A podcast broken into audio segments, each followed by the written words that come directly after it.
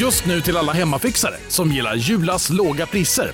En 90 liters skottkärra i galvaniserad plåt för glänsande Jula klubbpriset 399 kronor. Inget kan stoppa dig nu. Ni har väl inte missat att alla takeaway förpackningar ni slänger på rätt ställe ger fina deals i McDonalds app. Även om skräpet kommer från andra snabbmatsrestauranger. Exempelvis... Åh, oh, sorry. Kom, kom åt något här. Exempelvis... Förlåt, det är något skit här. Andra snabbmatsrestauranger som... Vi, vi provar en talning till. La, la, la, la, la. La, la, la, la. Du kan ett Voltaire-citat, nämligen? Eh, var och en får odla sin trädgård, inte det Voltaire? Du får cultiver, cultiver son jardin. Nej, jo. Från Candide. Är det Voltaire? Kanske inte var Voltaire. Ska vi kolla? Ja.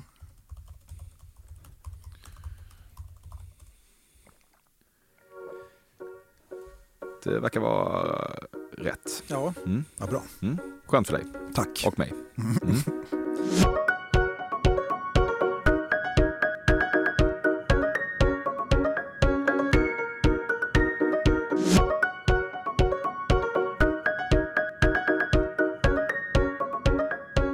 Alla festiviteter kopplade till det 150 avsnittet har klingat av. Nu är det tillbaka till harvandet och du lyssnar därmed på det 151 avsnittet av Fördomspodden med mig, Emil Persson. Intervjupodcasten som till 100% baseras på mina fördomar om gästen.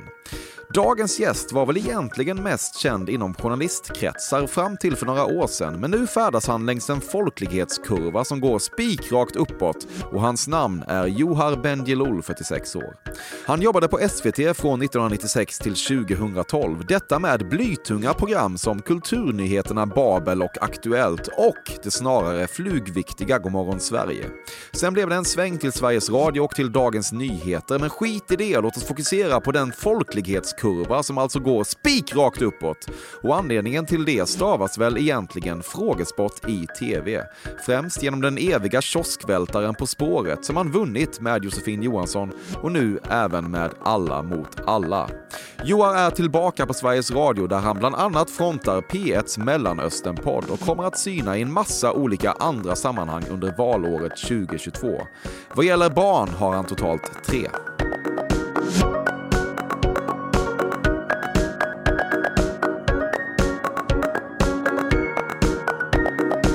Att du åker runt i landet och leder saggiga panelsamtal har bara att göra med det faktum att i hotellsängen kan ingen se dig suga på tummen. Det var en väldigt rolig fråga. Eh, jag suger inte på tummen ens Är du när jag är säker? helt ensam. Ja, jag Okej. suger faktiskt aldrig på tummen. Inte Däremot så... när du var barn. Nej, jag har aldrig sugit på tummen. Eh, Jag har inte haft, hade inte napp heller. Däremot biter jag på naglarna. Det är väl besläktat kanske.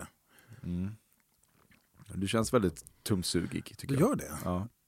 Då vill Något jag ju veta lite mer om just det. eh, Hur du kommer till den Ja, slutsatsen. det, man får liksom aldrig riktigt det. Jag, jag, har- jag har inget mer, jag har bara min luddiga intuition. Ja, ja. ja, men just den här gången tror jag att din intuition ledde dig fel. Okej.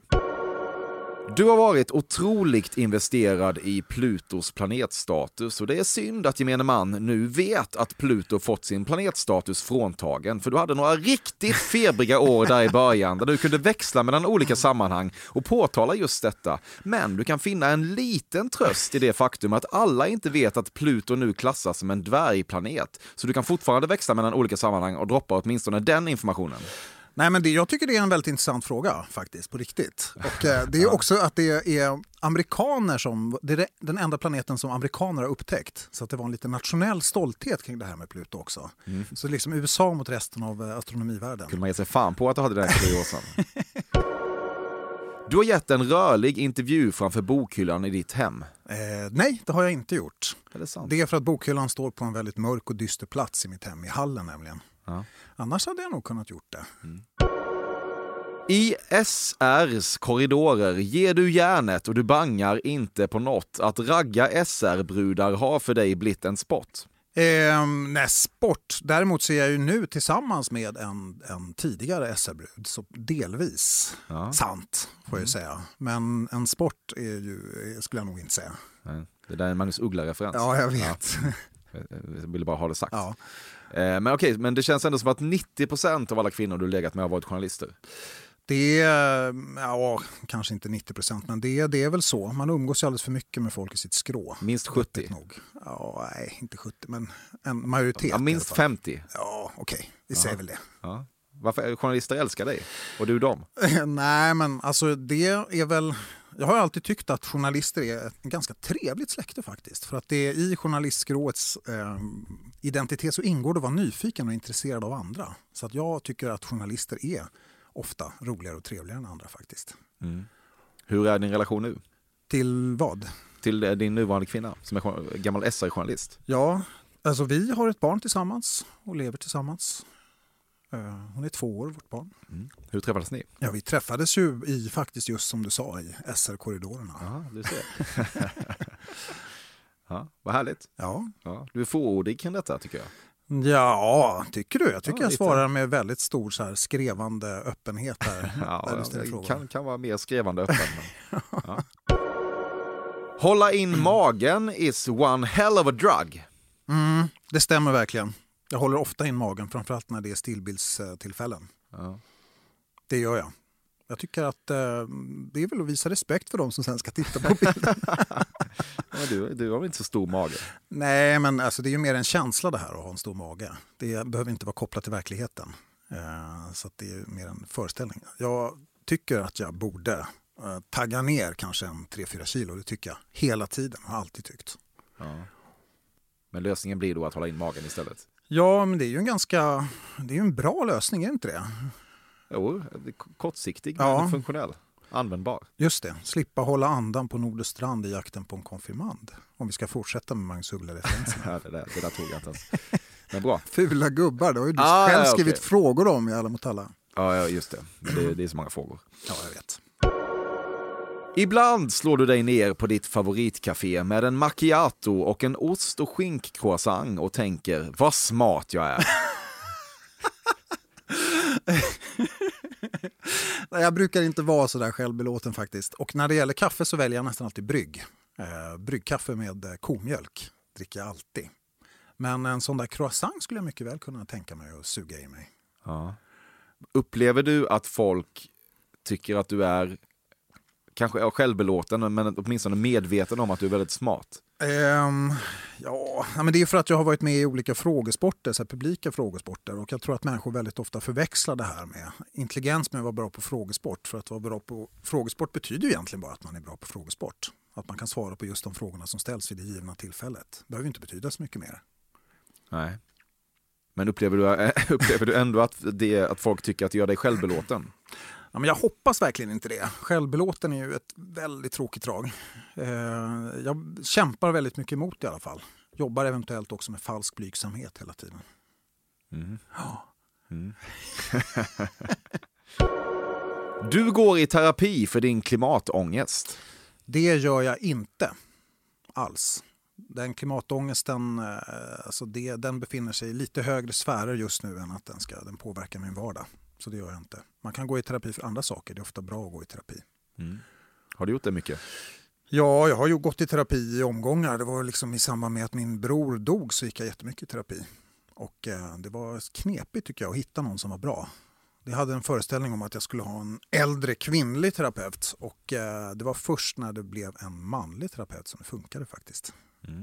Vad säger det om dig? Jag vet inte, att jag kanske har en moderslängtan men igen, tror att jag längtar efter en mor men egentligen längtar efter en far kanske. Precis. Har du svårt att öppna dig helt i terapi? Det känns som att det kan vara svårt att nå ditt, ditt innersta på något sätt. Ja, det är ju... Alltså ska man gå i terapi så måste man ju öppna sig, annars är det ju helt meningslöst. Man kan ju inte betala massa pengar för att sitta och hålla igen och sitta och småljuga. Men det är, det är svårt. Jag är väl kanske... Ja, men det är möjligt att jag inte är den öppnaste personen du har haft här framför, på andra sidan mikrofonen. Nej. Nej, men här måste du ju inte vara det, men i terapistolen be- behöver du ju ändå vara det. Ja, men annars är det ju ingen po- poäng med att gå i terapi alls. Nej. Så det är något du har lärt dig där kan man säga. Ja, Det är viktigt för dig att vara en person som älskade HBO-serien In Treatment i allmänhet och huvudrollsinnehavaren som det också är viktigt för dig att veta heter Gabriel Burns skådespelarprestation i synnerhet. Det är helt fel. Jag har inte sett en ruta av In Treatment och tittar inte särskilt mycket på serier. Eh, och om jag skulle göra det så väljer jag nog inte den typen av serier faktiskt när jag ska titta. Igår tittade jag på en, ett kapardrama med Liam Neeson till exempel på Netflix. Det blir väldigt mycket action när jag ska välja Jaha, film. du har en svulstigare smak på något Ja, sätt. men lite svulstigare smak. Eller jag gillar allt möjligt men eh, min favoritregissör är ju Roland Emmerich. Till Ja, ja, Katastroffilmsnubben. Ja, men han som ödelägger New York jättemånga gånger i Independence precis. Day och sånt där. Vet du att nästa år så kommer han med en film som är helt fantastisk. Den är liksom åtta ord i trailern som förklarar allt. Ja, berätta. Den heter Moonfall och då är eh, taglinen är så här. In 2022 the moon will come to us.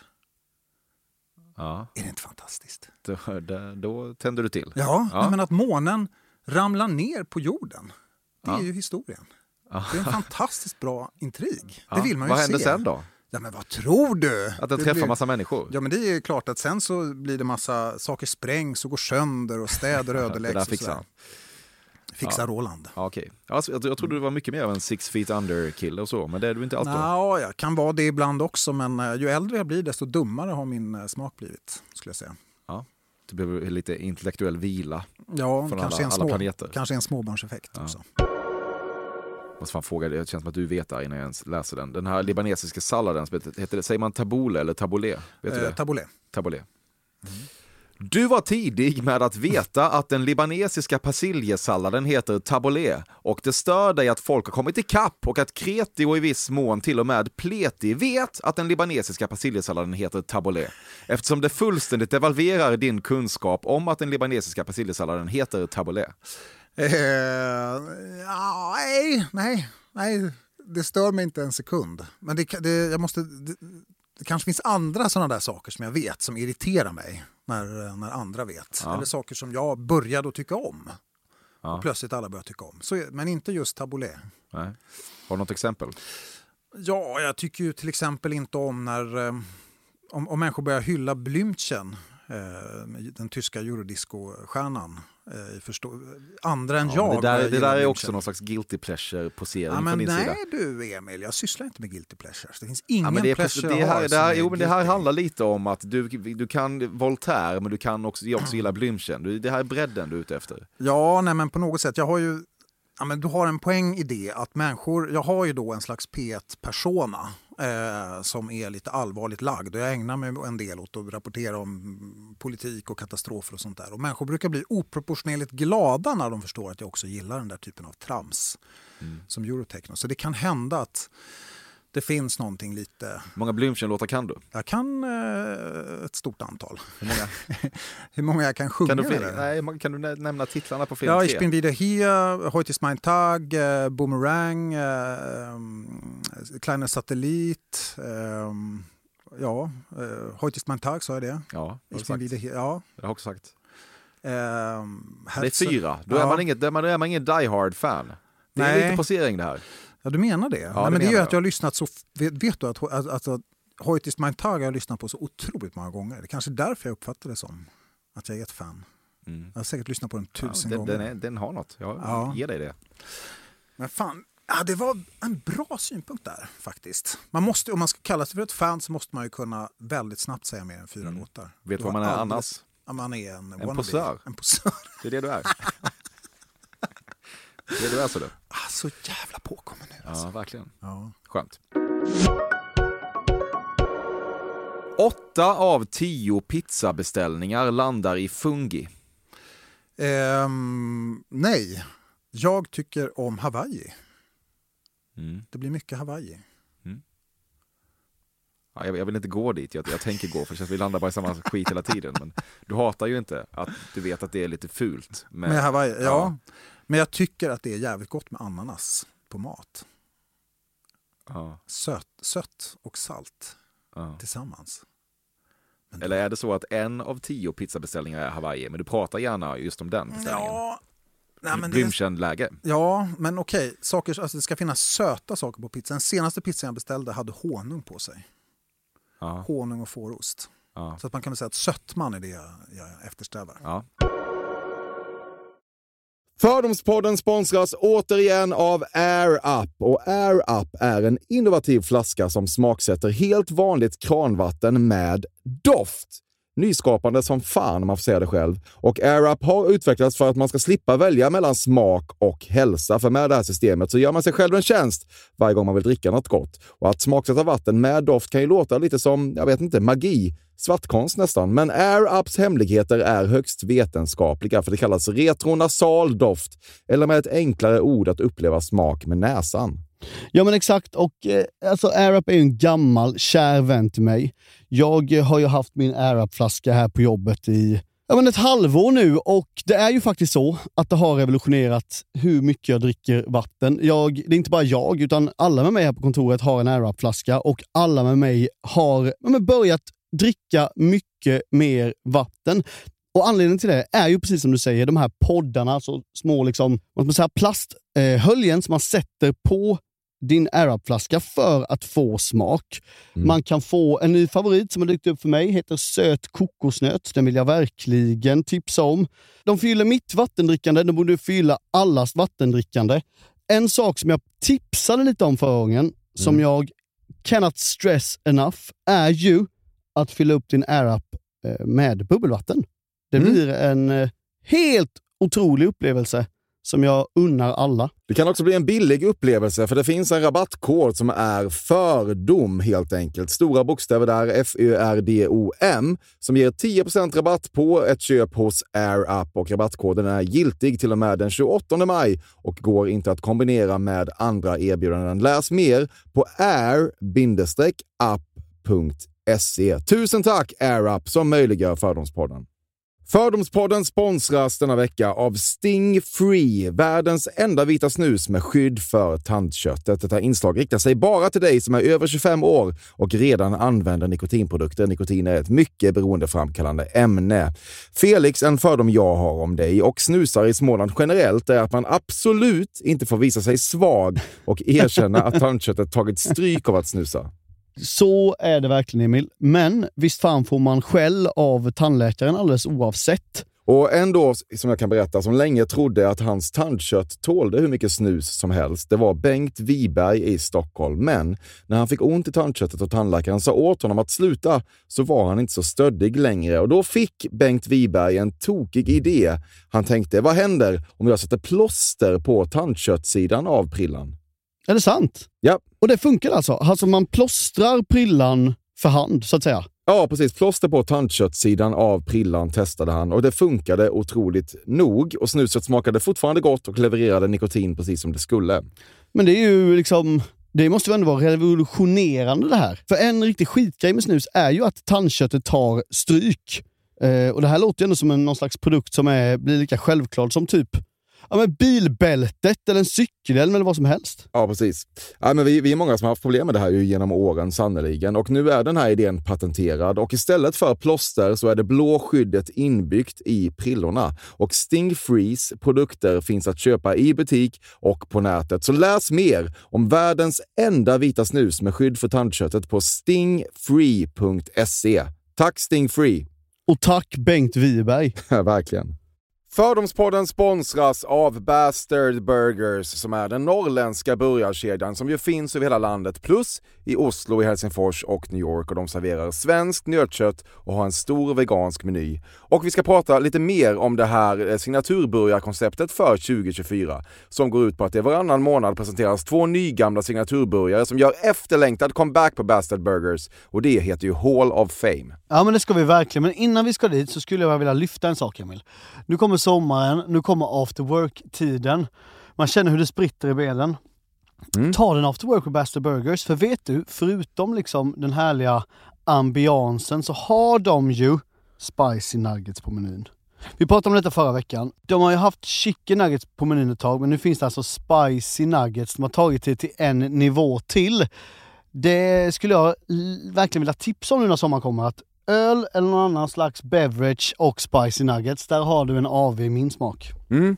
Och också det, just det här att Spicy Nuggets nu kommer finnas permanent på Just menyn. det, Jag tycker det verkligen. finns en otrygghet i, i, i vissa eh, matkedjor när, när vissa grejer bara återkommer då och då och man vet aldrig om ens favoriter finns där. Men Spicy Nuggets som är godare än vanliga nuggets som man är lagd åt ett spicy hållet, vilket jag är, kommer nu alltid finnas där. Det finns en trygghet i det. Jag vill också slå ett slag för att det nu i maj släpps även en ny signaturburgare och det är alltså ingen mindre än The Notorious Chili Cheese. En burgare med chili cheese på. Man minns när chili cheesen kom in i ens liv och förändrade livet till det bättre. Det är ostigt, det är starkt, det är otroligt. Det innehåller alltså massa ost och lite jalapeno och allt detta kan du såklart få om du laddar ner appen för Bastard Burgers och beställer eller för guds skull går till en fysisk restaurang. Tusen tack Bastard Burgers som möjliggör Fördomspodden. Tack bastard! Du har onanerat till din egen 10-poängsdragning i På spåret på SVT Play. om, man med, om man med onaner, om man tar det liksom i överförd bemärkelse, att jag har njutit av det, så har jag väl njutit av minnet. Ja. Det har jag faktiskt gjort. Ja. Men, tycker jag är ärligt av dig. eh, Ja, men just det, men då, då får man ta det i lite metaforisk mening. Precis, ja. Ja, allt, annars hade det varit helt Ja, sjukt. det hade hade, jag fått, hade fått spärra in dig. ja. Men du saknar du På spåret? Det var ändå lite av din heyday på ett sätt. Ja, det blev nog aldrig bättre än så. Sen har det bara varit rakt ut för sen 2018. Nej, men det var ju en tid, eh, det var ju roligt att vara med. Men nu så, eh, det känns som att det var ganska länge sedan faktiskt. Känns också lite som att du, du hade kunnat dra på tian på alla resmål, men du kände att det kommer inte se bra ut gentemot Josefin, vilket du också är medveten om. Så, så därför gjorde du inte det. Ja, men det är också att jag har gjort fel och dragit fel på 10 poäng en gång. Eh, och det är ju väldigt, väldigt tråkigt när man gör det. För man förstör ju matchen och förlorar och förstör för Josefin och allting. Så att det är möjligt att det fanns en viss självbevarelsedrift också. Ja. Men du ville egentligen alltid dra på tian. Egentligen vill jag alltid dra på 10. Alltid? Alltid. det är helt sjukt. Vilket jävla självförtroende. Ja, ja, ja det jo, Tian är ju svår ändå. Ja, jag har ett ganska många gott självförtroende. Ja. Det ska ofantligt mycket till för att du ens ska vara nära att vara nära att förlora humöret. Men när du blir riktigt jävla förtvivlad, då är du matadoren i tjuren Ferdinand förtvivlad. Tårarna sprutar och du visar hur otapper du är med din bläser och din ballografpenna. Mm, det stämmer väldigt väl faktiskt. Jag blir väldigt sällan arg, men när jag blir det så blir jag väldigt arg. Det var mycket mer när jag var yngre så kunde jag verkligen tappa, tappa det helt när jag förlorade i olika sporter och lekar och sånt där. Alltså på ett fullständigt sinnessjukt sätt. Hur då?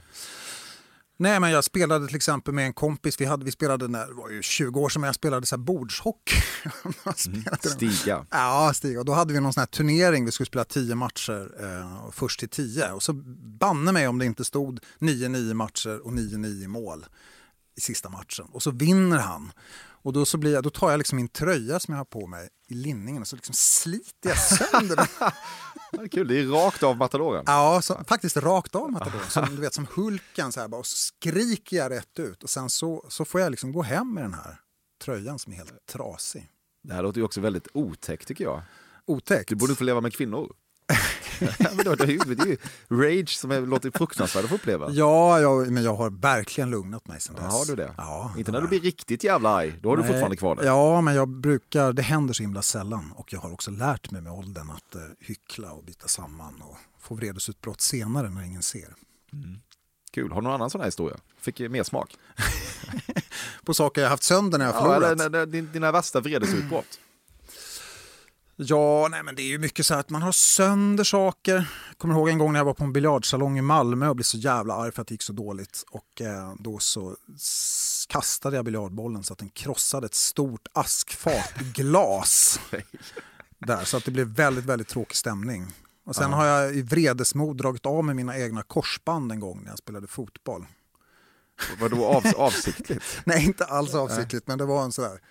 Ja, det var ett jättedålig, vi förlorade, det var sent i matchen och sen gjorde jag en sån här vansinnestackling på en, och som jag träffade liksom inte ens en- någon motspelare utan istället så hamnade jag, fick jag hela tyngden under och sen så drog jag sönder både menisk och korsband och sen dess har jag inte spelat fotboll. Och fy fan. Ja, Ja. tråkigt. Kanske sedelärande för dig. Ja, men lite. Och ett väldigt typiskt slut på min fotbollskarriär också. Alltid när du får frågor om din bror Maliks tragiska bortgång är det samma talepunkter du återvänder till. Att han var deprimerad men att ni inte begrep omfattningen av det. Att du drack dig dyngrak kvällen då du fick beskedet och sen gav upp alkoholen morgonen efter. Men detta är också den version du har valt för att du känner dig tillräckligt bekväm med att berätta den i olika medier. I själva verket finns det lite mer till storyn än så. Ja, men det är ju rakt av rätt. Eh, när man ska... Jag var, hade ju inget val när det gäller huruvida jag skulle vara offentlig eller inte med detta eftersom eh, bara några timmar efter att han hade dött så började liksom kvällstidningarna ringa. Och jag visste att, jag är ju journalist själv, jag visste ju att jag var tvungen att svara på frågor om detta. Annars skulle jag inte få vara i fred och mina föräldrar skulle inte få vara i fred framför allt. Så jag fick ju ta och mediehantera och det är sant som du säger att man utvecklar vissa talepunkter eller saker som man vet att man ska säga. Och det är, nej, det var en, faktiskt en väldigt bra analys där. Mm. Ja, jag antar att det som finns med till storyn har du valt att inte berätta av en ja, anledning. men så är det ju. Ja. Så är det ju. Hur känns det nu med allt det? Ja, vill du ha det ärliga svaret? Ja. Ja, det känns inte alls bra. Det, blir liksom, det kommer aldrig att bli bra. Och eh, tråkigt nog så eh, har jag börjat få drag av bitterhet kring detta. Och det är ju liksom det absolut sista man vill som människa, att vara bitter. Och eh, jag tycker det är för jävligt. Jag känner att det är fruktansvärt ledsamt att, vi inte, att han inte finns här längre. Och eh, det blir, kommer aldrig bli bra. Hur ser den bitterheten ut? Nej, men att jag är bitter över att, jag är liksom, att mitt liv har blivit tommare utan honom. Att eh, mina barn kommer aldrig att få kusiner på den sidan. Att min, mina släktled är tunna. Att eh, det är, mina föräldrar, när de försvinner en gång så kommer jag knappt att ha några människor kvar. Jag kan prata om saker jag varit med om kring. Alltså det är den typen av saker. Syskon är ju den eh, längsta relationen man har ofta i livet med någon människa i tid räknat. Mm. Så att, eh, ja, det där var det ärliga svaret. Mm. Kanske inte var så kul att höra, men så är det. Allt i livet är inte kul. Nej, verkligen inte. Hur mycket tänker du, eh, kunde man gjort mer och sånt där? Jag har inte varit med om det här, men jag kan tänka mig att det ändå, är- det känns som att det är det folk ofta landar i, även om det är rättvist eller inte. Hur menar du då? att Ja, men tänker du så här, hade jag kunnat göra någonting för att förhindra detta? Ja, det är ju ofta där man hamnar, men jag har nog ändå förlikat mig med att jag gjorde väldigt mycket för honom på slutet där. Eh, jag kan ibland gå tillbaka till vår sms-kontakt som jag har kvar i telefonen och se och på något sätt tröstas av hur tät kontakt vi ändå hade. Så att jag har ju en känsla av att jag inte har övergivit honom och att jag verkligen gjorde mitt bästa. Så det är den eh, version som jag har valt att tro på, helt enkelt. Mm. Ja, det låter, låter sunt och bra tycker jag. Ja, jag hoppas det.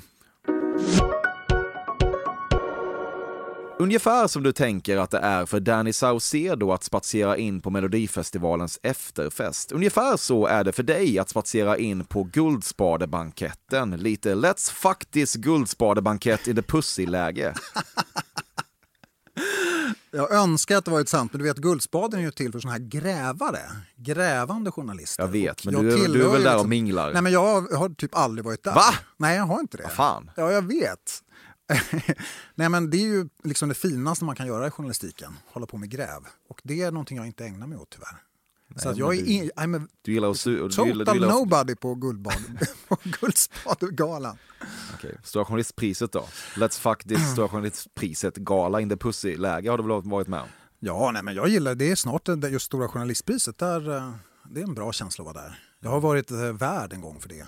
Jag har varit konferencier. När en film som baseras på en stor roman är på väg ut på bio är det viktigt för dig att snabbt som fan skumma romanen så att du i alla kommande diskussioner om filmen även kan referera till hur den skiljer sig från romanen. Eh, nej, nej, faktiskt inte. Eh. Mm. Säkert? Ja, det skulle jag nog säga. Att det, det stämmer inte. Du har ändå testat kokain Verkligen inte. Droger intresserar mig överhuvudtaget inte. Och aldrig gjort. Nej. Nej. Du tror faktiskt inte. Vad sa du? Du tror faktiskt inte. Du lät som kungen där nämligen. Ja, just det. Så här, har du varit på strippklubb? Nej, jag tror inte det. Okej, du har aldrig gjort, aldrig rökt på. Jo, det har, det är sådär. Det har jag gjort. Men det var inte det här årtusendet. Och eh, det var inte någon större, jag tyckte inte att det var särskilt intressant eller spännande heller. Nej. Du tycker ändå det faktum att Donald Trump Jr blixtsnabbt tryckte upp och sålde t-shirts med trycket “Guns don't kill people, Alec Baldwin kills people” var lite kul. Ja, det tycker jag. Jag hade inte hört det där faktiskt. Ja, nej men det ska han ha. Det var, det var faktiskt inte bara lite kul. Det var riktigt kul. Ibland när du sitter på toa och tittar ner på dina kalsonger som du med berått mod låtit glida av ena foten och får ligga där lite hjälplöst på golvet så tänker du “Vad smart jag är”.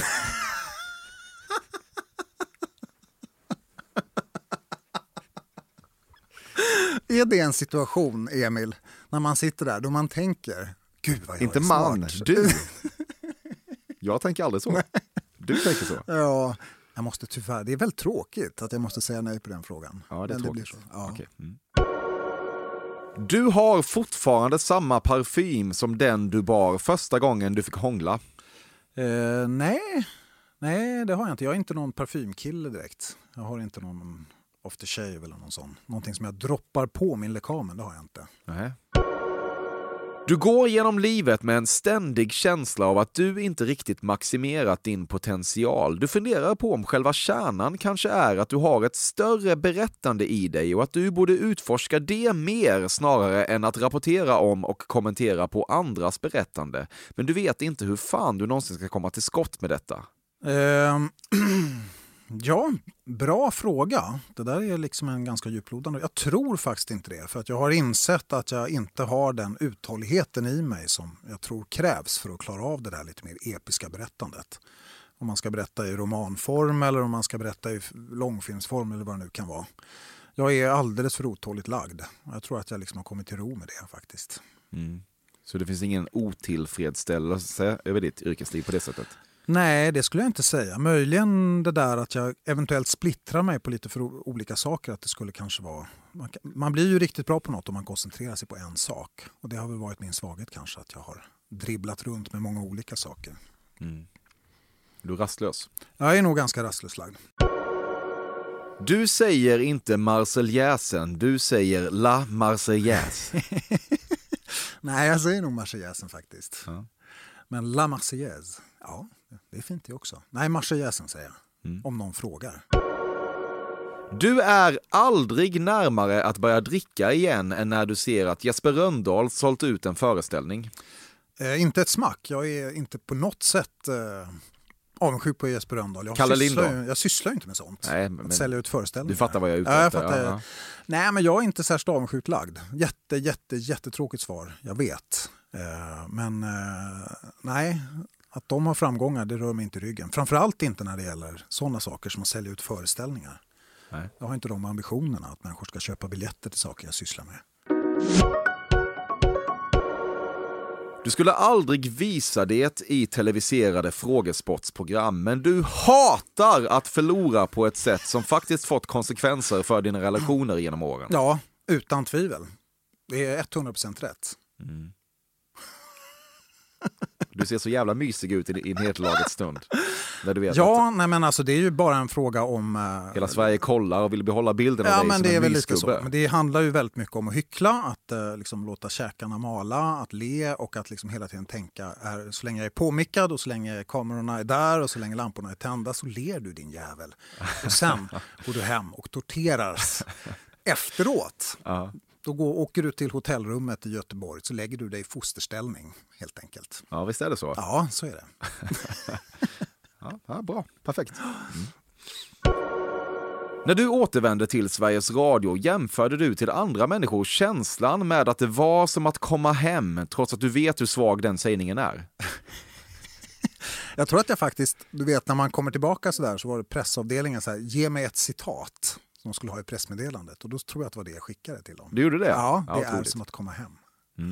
Trots att du vet hur svagt det är. Jag vet att det är svagt. Men du vet Det är därför du ibland- aldrig blir en stor berättare. Ja, jag vet. Jag är ju en platt jävel alltså. Är så påkommen. Men, eh, nej, men att, grejen är att de grejer som är sanna är ofta, låter ofta väldigt banala. Ja, klyschor är klyschor av en anledning och så Ja, men jag menar det. det är ju, ska du skalda, det är därför det är så svårt att skalda om kärlek. Mm. Även om det är sant och djupt känt så låter det ju ja, klyschigt helt Mm. enkelt. Vilket är det sannaste du vet om kärlek? Ja.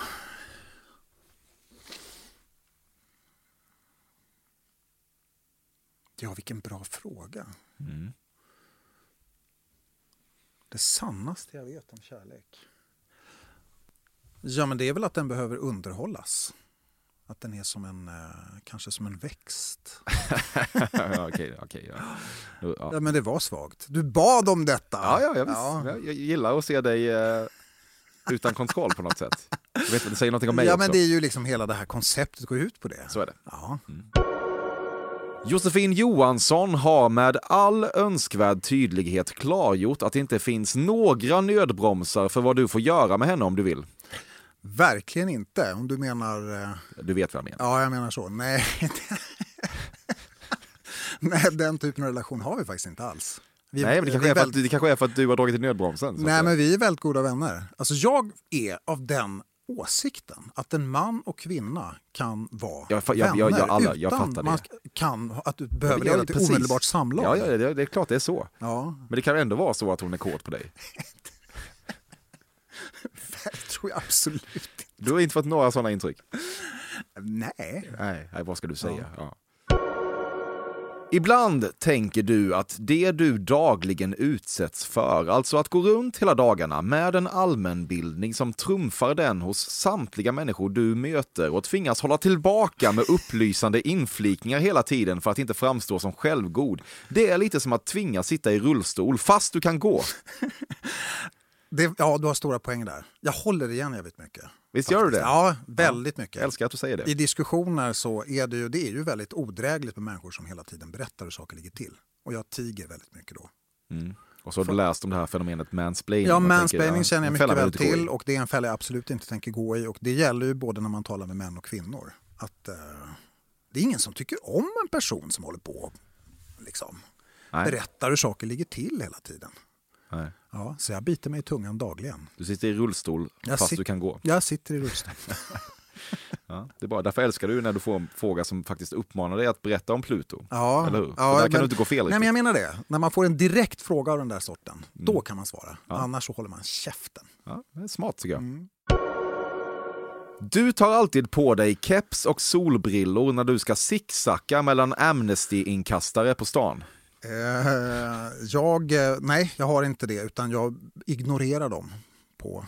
Eh, det, är sånt, det är en sån hemsk sak man lär sig i stora städer, hur man fäster blicken på en punkt långt borta och inte ser människor som ber om ens uppmärksamhet. Jätte, jättetråkigt, men sån är jag med Mm. de här Amnesty-inkastarna. Men eh, du tänk, jag tänker också att framförallt du inte vill bli sedd i det läget eftersom du fram, framställer dig själv som en så god människa. Ja, ja, men just i det fallet är jag verkligen en god människa. Men man kan ju tycka att Amnesty är en sympatisk organisation, även om man inte vill teckna medlemskap Ja, det på det här hata Amnesty. förnedrande sättet på gatan. Ja, jag fattar. Med ett riktigt dyrt och importerat snigelserum sätter varje man sina egna gränser. Eh, Den frågan vet jag inte om jag förstod riktigt. Du eh, jobbar mycket med din hy. Men min hy? Ja, med snigelserum. Ah, okej. Eh, nej, nej. Nej. Jag, jag jobbar inte så mycket med min hy. Jag kanske använder tvål ibland i ansiktet. Jaha. Eller inte ens det. Jag tror, mest att det, är- Fuktkrämer, nej, det är, jag, återfuktande. jag tror att det jag gör med mitt ansikte är vatten. faktiskt. Har du gett upp? Ja, jag tror det. Ja. Eller jag vet inte om... Det är jag det här långa aldrig- relationer gör med människor. Nej, men när jag tittar på min hy så tänker jag, här behöver man inte göra någonting åt. Det är en fin hy. Ja. Men ska du få knulla guldspadebanketten in the pussy så kanske du ändå måste ha lite hy, Johan. Ja, men tycker du att min hy är undermålig? Det det du vill säga? Nej, jag tycker att den är fin ju. Ja. Därför jag tror att den är eh, konsekvensen av importerat och dyrt Nej, snigelserum. nej det här, än så länge är det en naturlig effekt. Men du har säkert rätt i att jag måste kanske, nu är jag ändå 46, det är hög tid att införskaffa det där snigelserumet. Du ser varje slickat frimärke som en chans att öva. Oh, jag hörde den frågan. Du har ställt den till Nassim Al Ja, Fakir en gång. den en gång. Ja. Ja. Ehm, Du känns också som... Eh, Nej, för fan. Att du kommer ihåg att det var just det avsnittet, sjukt. Ja. Ja. Men vet du att det är ju, man slickar inte så mycket på frimärken nu. Det är ju liksom klisterytor på dem. Det är ju klistermärken. Det var jättelänge sedan jag klistrade, slickade på ett frimärke. Ja. Du tänker typ mer på döden än på livet. Ehm, ja, det tror jag att jag gör. Jag tänker ganska mycket på döden. Mm. Jättemycket känns det som. Nej, jag tycker att jag tänker faktiskt på att jag tycker nog att andra människor tänker för lite på döden. Jag tänker mycket på de döda och eh, på mitt eget för, förestående slut. På vilket sätt Faktiskt. hjälper det dig? Nej, men det hjälper mig väl att försöka att förstå vad som är viktigt och vad som inte är viktigt. Och eh, när det gäller att tänka på döda människor så är det ett liksom sätt att det är på ett sätt att tänka på livet. Bara för att man avlider så behöver man ju inte dö så att säga. Man kan ju finnas kvar i andra människor. Så att eh, nej, döden intresserar mig jättemycket. Du har varit i Auschwitz. Ja, det har jag. Dina barn har en sån där bössa där man får lägga pengar om man svär. Eh, nej, nej, det har de inte. Nej, min 17-åriga dotter hon använder fucking som förstärkningsord i stort sett hela tiden. Så det skulle bli väldigt, väldigt dyrt för henne. Om man nu räknar det som en svordom. Ja, får man väl göra. Ja. Nej, sån, sån uppfostran bedriver du inte. Nej, det, skulle, det är för sent. Om man är 17 så lyssnar man inte längre på sin far. Nej, men du har väl yngre Just- barn? De får bara. Jo, det är sant. Det är sant. De har inte börjat riktigt än. Nej, men jag tycker att eh, svordomar är liksom språklig must och störs inte ens kund av det. Nej. Så du svär mycket själv. Det kan hända att jag svär ibland. Mm. Ja. Det är bra. Tror Ja. att folk vill att du ska göra mer. ja, men för helvete. Ja, precis. Det är egentligen inte så viktigt för dig att vara en person som kan räkna upp alla James Bond-skådisar i kronologisk ordning, men du kan det ändå eftersom den typen av kuriosa, kuriosa som folk inte förväntar sig att du ska tycka är viktiga att kunna, breddar bilden av dig som något slags Rain Man. Ja, det där stämmer ju väldigt väl. Även om jag faktiskt just James Bond-skådisar i kronologisk ordning tror jag inte att jag kan. Men eh, själva idén, andemeningen i den där frågan stämmer Ja, väldigt vi har varit inne på det lite. Så Ja. Ja, men, Okej, besviken? Jag trodde du skulle kunna också James Bond. Ja, men lite James Bond kan jag. Ja. Alltså vilka som har varit Bond och sånt. Ja, det är det men jag inte menar. alla skådisar. Jaha, du menar Bondarna? Ja, precis. Det kan jag, Ja, tror jag i alla fall. får höra Sean- då. Nej, men det är väl eh, Sean Connery, George Lazenby, Roger Moore, Pierce Brosnan och han nu, Danny Craig. Missar jag någon? Ja, Timothy Dalton också. Ja. Var det rätt? ja, det var det säkert. Jag, jag vet Ja. inte riktigt. Nej, okej. Det är en som bara gjorde en film, men den kanske finns med i dem. Ja, men det var den här George Lazenby. Ja. Du har ett par imitationer på lager som läcker ut ibland och detta springer ur något slags krossade skådisdrömmar. 100% korrekt. Verkligen rätt. Jag tycker det är roligt att imitera. Du har en lite konformad penis. Ehm, kon, hur ser ett... Vad är ett... Du menar sädesarten? roten. Ja, Nej, du menar alltså, så. ja. Ja, då måste jag nu... Det var faktiskt inget småländskt Nej, är som kommit bort där. Ja, jag förstår. Ja. Ja, men så här är det att, eh, du vet att det här är en väldigt populär podd. Framförallt min dotter som är 17 år, hon lyssnar jättemycket på den här podden. Vad kul. Och mina, hennes kompisar Nu också. ska han få veta att pappa har Så en då har jag- penis. Vad sjukt för henne. Då har jag lovat henne att inte besvara den typen av frågor. Och du vet, när man pratar med en 17-åring sådär, man måste ju hålla det man lovar. Ja. Eller hur? Tänk också om det här var en eh, jättebra ursäkt som du tänkte ut på vägen hit, för den är ju oklanderlig. och och jag kan aldrig säga, komma åt dig. Nej, då kan jag säga så här, båda är sant. Det, det är sant och det är också någonting jag har tänkt ut på vägen Ja, hit. ja, eftersom jag vet Ja, ja, vi får- hur får- ofta du det. rör dig i underlivsregionerna i den här podden. Smart! Men också bedrövligt. Du hämtar otroligt mycket trygghet ur det sista inkilade ocket som alltid kommer i spottankares upprapning av stryktipsraden, alltså exempelvis etta, tvåa, etta och ett kryss-ocket. Ja, det finns en trygghet i det. Din barndom kantades av patienser. Eh, nej, ja, jag har lagt patiens i mina dagar. Men det har bara varit den här harpan, ingen annan. Jag kan inga andra. Eh, så det, nej, det var inte... Kan inte, inga andra? Nej, jag kan faktiskt inga andra. Eh, jag vet inte ens, nej jag känner inte till några andra än harpan. Vilken intressant fråga. Jag tänker ju aldrig på patienser till vardags. Ja, det fick känns som att du satt i din ensamhet och la patiens. Nej. Fast inte på ett mörkt sätt, utan du, du gillade det. Det var där du ville vara. Ja, nej, men jag gjorde säkert andra ensamaktiviteter. Så där. Det gjorde jag. Läsa, det gjorde jag jätte- jättemycket. Men snark, Gud, det fattar vi väl. Ja, Något snark. annat då? Vad gjorde du mer ensam? Eh, ja, men jag gjorde listor över olika saker.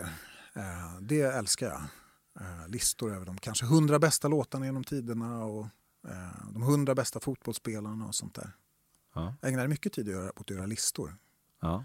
Ja, jag är jungfru i, i zodiaken. Det betyder ingenting för mig. Nej, okej. Vad har det med listor att göra? Nej, men det är ju det tråkigaste stjärntecknet. Det är ju de som gör listor och älskar att sortera i alfabetsordning och sånt där. Ja, Okej, så jungfru är det sämsta man kan vara? Ja, sämst är det tråkigaste, Ja. tveklöst. Ja, beklagar då. Ja, Tro, för mig. tro, du tror alltså på det här? Inte en sekund. Du vågar inte längre ge en kvinna det som länge var din go-to-komplimang, att hon är vackrare utan smink. Idag känns det lite som en elakt gillrad mansfälla. Det är ingen snygg kommentar, någonsin. Men du har sagt det Eh, Nej, förr. det har jag fan med aldrig, Aldrig? sagt. Aldrig. Sjuk du är. Nej, men det där är ju en förolämpning. Det har ju alltid varit en förolämpning. Ja, men det är inte säkert att du har fattat det hela Nej, tiden. kan, gör dig, det man säger då är så här, kan du bara sluta göra det till? Ditt våp är ju det man är, är ju en, en stor hitlåt till och med på det här temat. På andra halvan av 90-talet. Vacker utan spackel. Ja, Som folk älskade. och var den bra? Nej, det är klart den inte Nej. var, men det flög ju. Jumper, var det det? Nej, Nej. Joakim Hillson. Joakim Hillson. Så, så, så vacker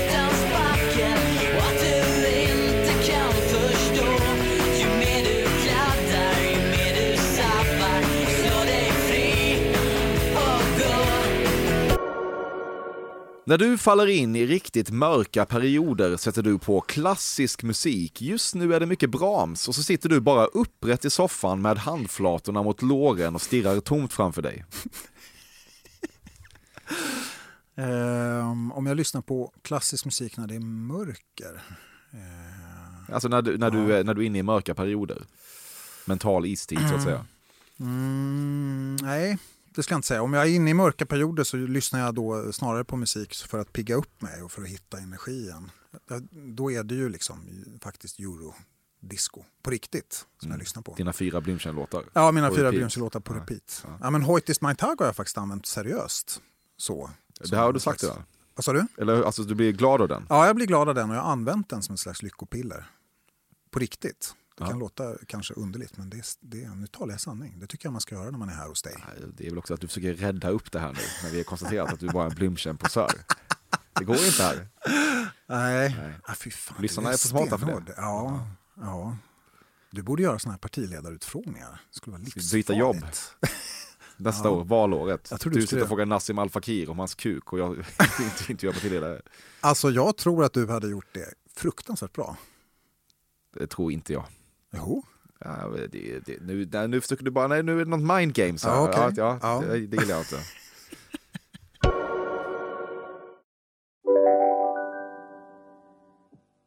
En nyhet. Nu kan du teckna livförsäkring hos Trygg-Hansa. Den ger dina nära ersättning som kan användas på det sätt som hjälper bäst. En försäkring för dig och till de som älskar dig.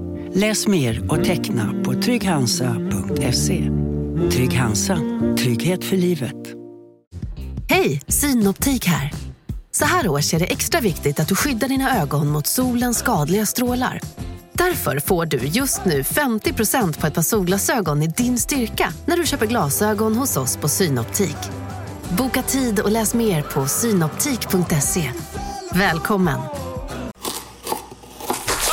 Dåliga vibrationer är att skära av sig tummen i köket. Ja! Bra vibrationer är du har en tumme till och kan scrolla vidare. Få bra vibrationer med Vimla. Mobiloperatören med Sveriges nöjdaste kunder enligt SKI. Du är kluven inför morgonståndets existens. Du tycker att det är banalt av dig att vara kapabel till en köttklubba som hoppfullt xylofonspelare mot ett ryggslut. Men samtidigt vet man ju aldrig om det kan föra något gott med sig. Ja, men nu är jag, jag har ju lyssnat på din podd ganska mycket. Och den här, ungefär den här frågan ställde du till Mon, Mona Salin. Fast utifrån hennes perspektiv. Jaha. Och då svarade hon så här att eh, mitt sovrum, det ska du ge fan i. Eller någonting sånt. Och Ja. i det här avseendet Och så tyckte du att det var ett kul svar? Nej, det var inget kul Nej. svar. Verkligen inget kul svar. Men jag kommer ändå att citera henne. Ja, det är en kulle du ska upp och dö på. Ja, ja det får du göra då. Ja. Mm. Ja, men jag vet hur tråkigt det är. Men du vet också vad som kan hända. Ann Lundberg svarade friskt på alla dina sex frågor. Vad händer? Jo, men det blir en smaskig rewrite i Expressen. Du är emot tystnadskultur, förutom när det gäller den period i ditt liv då du bar skjortor där insidan av kragen hade en kontrasterande färg. jag är emot tystnadskultur och just sådana skjortor undrar jag om jag någonsin har burit. Och hade jag gjort det så tror jag nog inte att jag hade skämts över det. Är det så vederstyggligt med den typen av skjortor? Ja. Ja, det är det. Ja. Ja, jag är nog mer för det, egentligen för det enfärgade. Ja. Som den vita jag har på mig just nu till exempel. Mm. Tjusig. Ja, tack ska du ha. Du förlorar dig gärna i samtal om blomnamnet Forget Me Gay.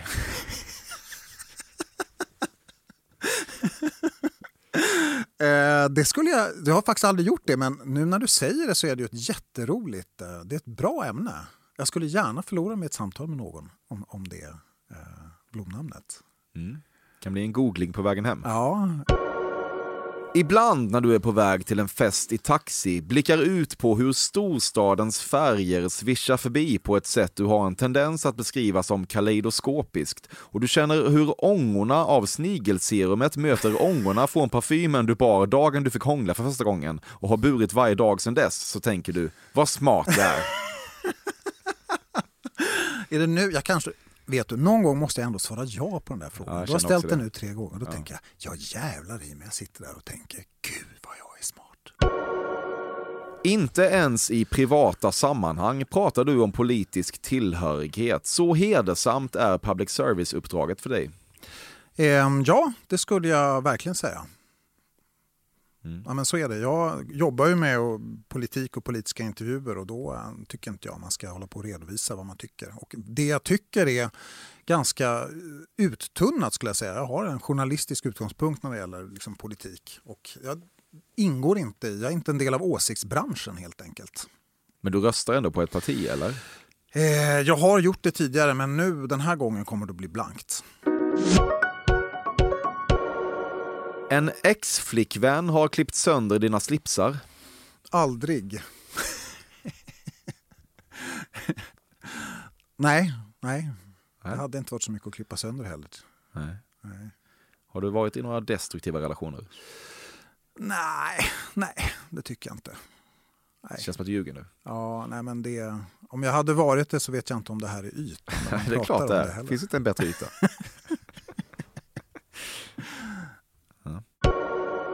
Du har försökt bygga dig som en människa som har en särskild favoritblomma. Lex, Lasse Andrell och pelargoner, men det biter aldrig riktigt. Ehm, jag önskar det. Nej, jag blommor är inte, jag har inte de starka banden till blommor. Det är väl kanske solrosen då eventuellt, kommer jag på nu. Den här eh, typen som alltid vänder sig där det finns ett ljus. Åt det hållet. Liksom. Det tycker du är poetiskt såklart. Nej, inte, ja, eller sån här. Att man är liksom linslusens blomma. Där det Ja, finns en menar så. kameralampa. Dit Ja. man sitt ansikte. Ja, då, då, då gillar jag det mer. Ja. Ja. Du har otroligt svårt att veta hur du ska lägga på telefonen och fastnar ständigt i ett sammelsurium av ta hand om dig, vi hörs, hej då, okej, hej, hej, hej. ja, det stämmer ganska bra.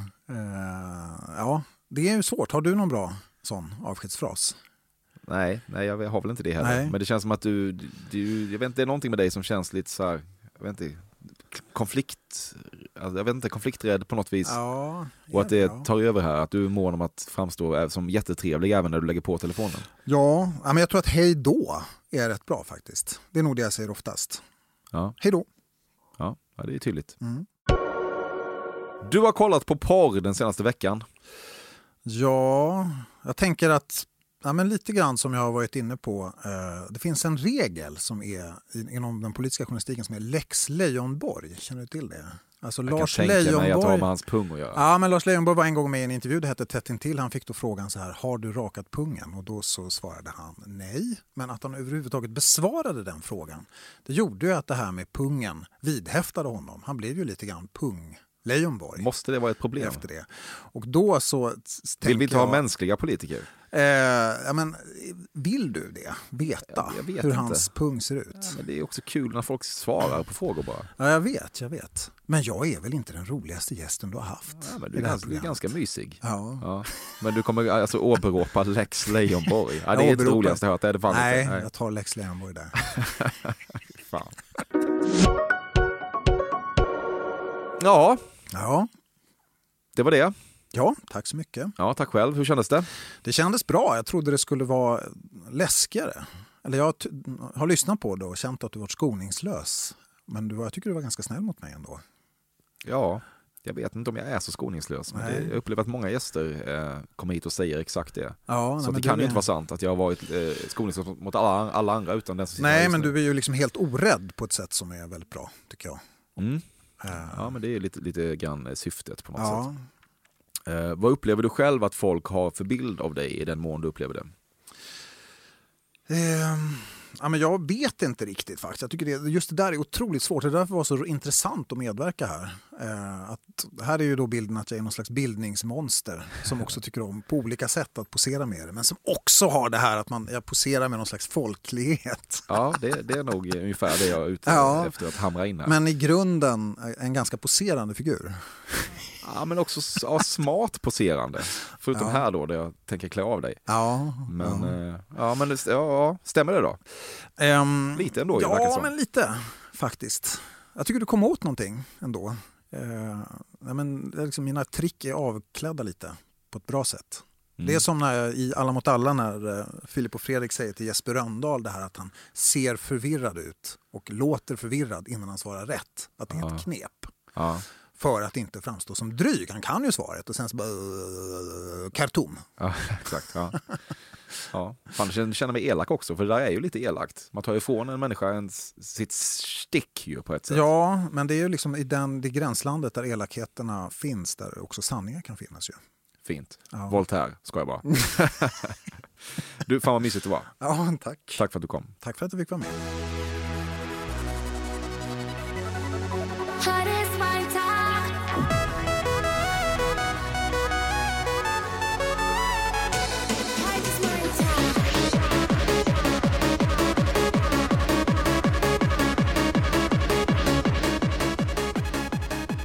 Detta har varit Fördomspoddens 151 avsnitt med Johar Bendjelloul, klippt av det evigt gröna trädet Bobben Nordfeldt, vignettkomponerat av det evigt vinterkala trädet Carl Björkegren.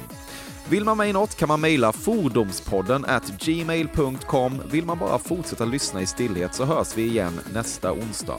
Tusen tack för visat intresse.